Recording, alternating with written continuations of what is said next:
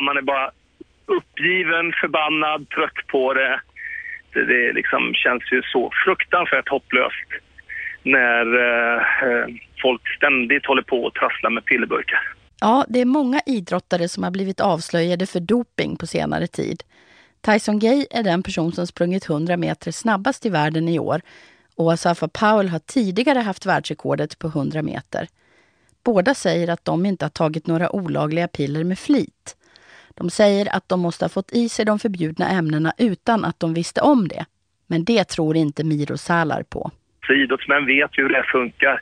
Man stoppar inte i sig något som man inte själv har fullständig kontroll på. Så det finns liksom inga ursäkter. Förutom Tyson Gay och Asafa Powell så är det också fyra kända friidrottare från Jamaica som har haft förbjudna ämnen i kroppen.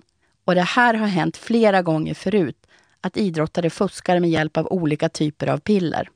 Friidrottsexperten Miro Salar tycker att de som en gång har dopat sig aldrig borde få komma tillbaka och tävla igen.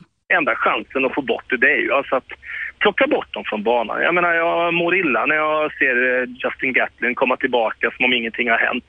Fortsätta springa fort och tjäna sina pengar och Ja, nej, det tycker jag både arrangörer och agenter och andra måste ta ett mycket större ansvar.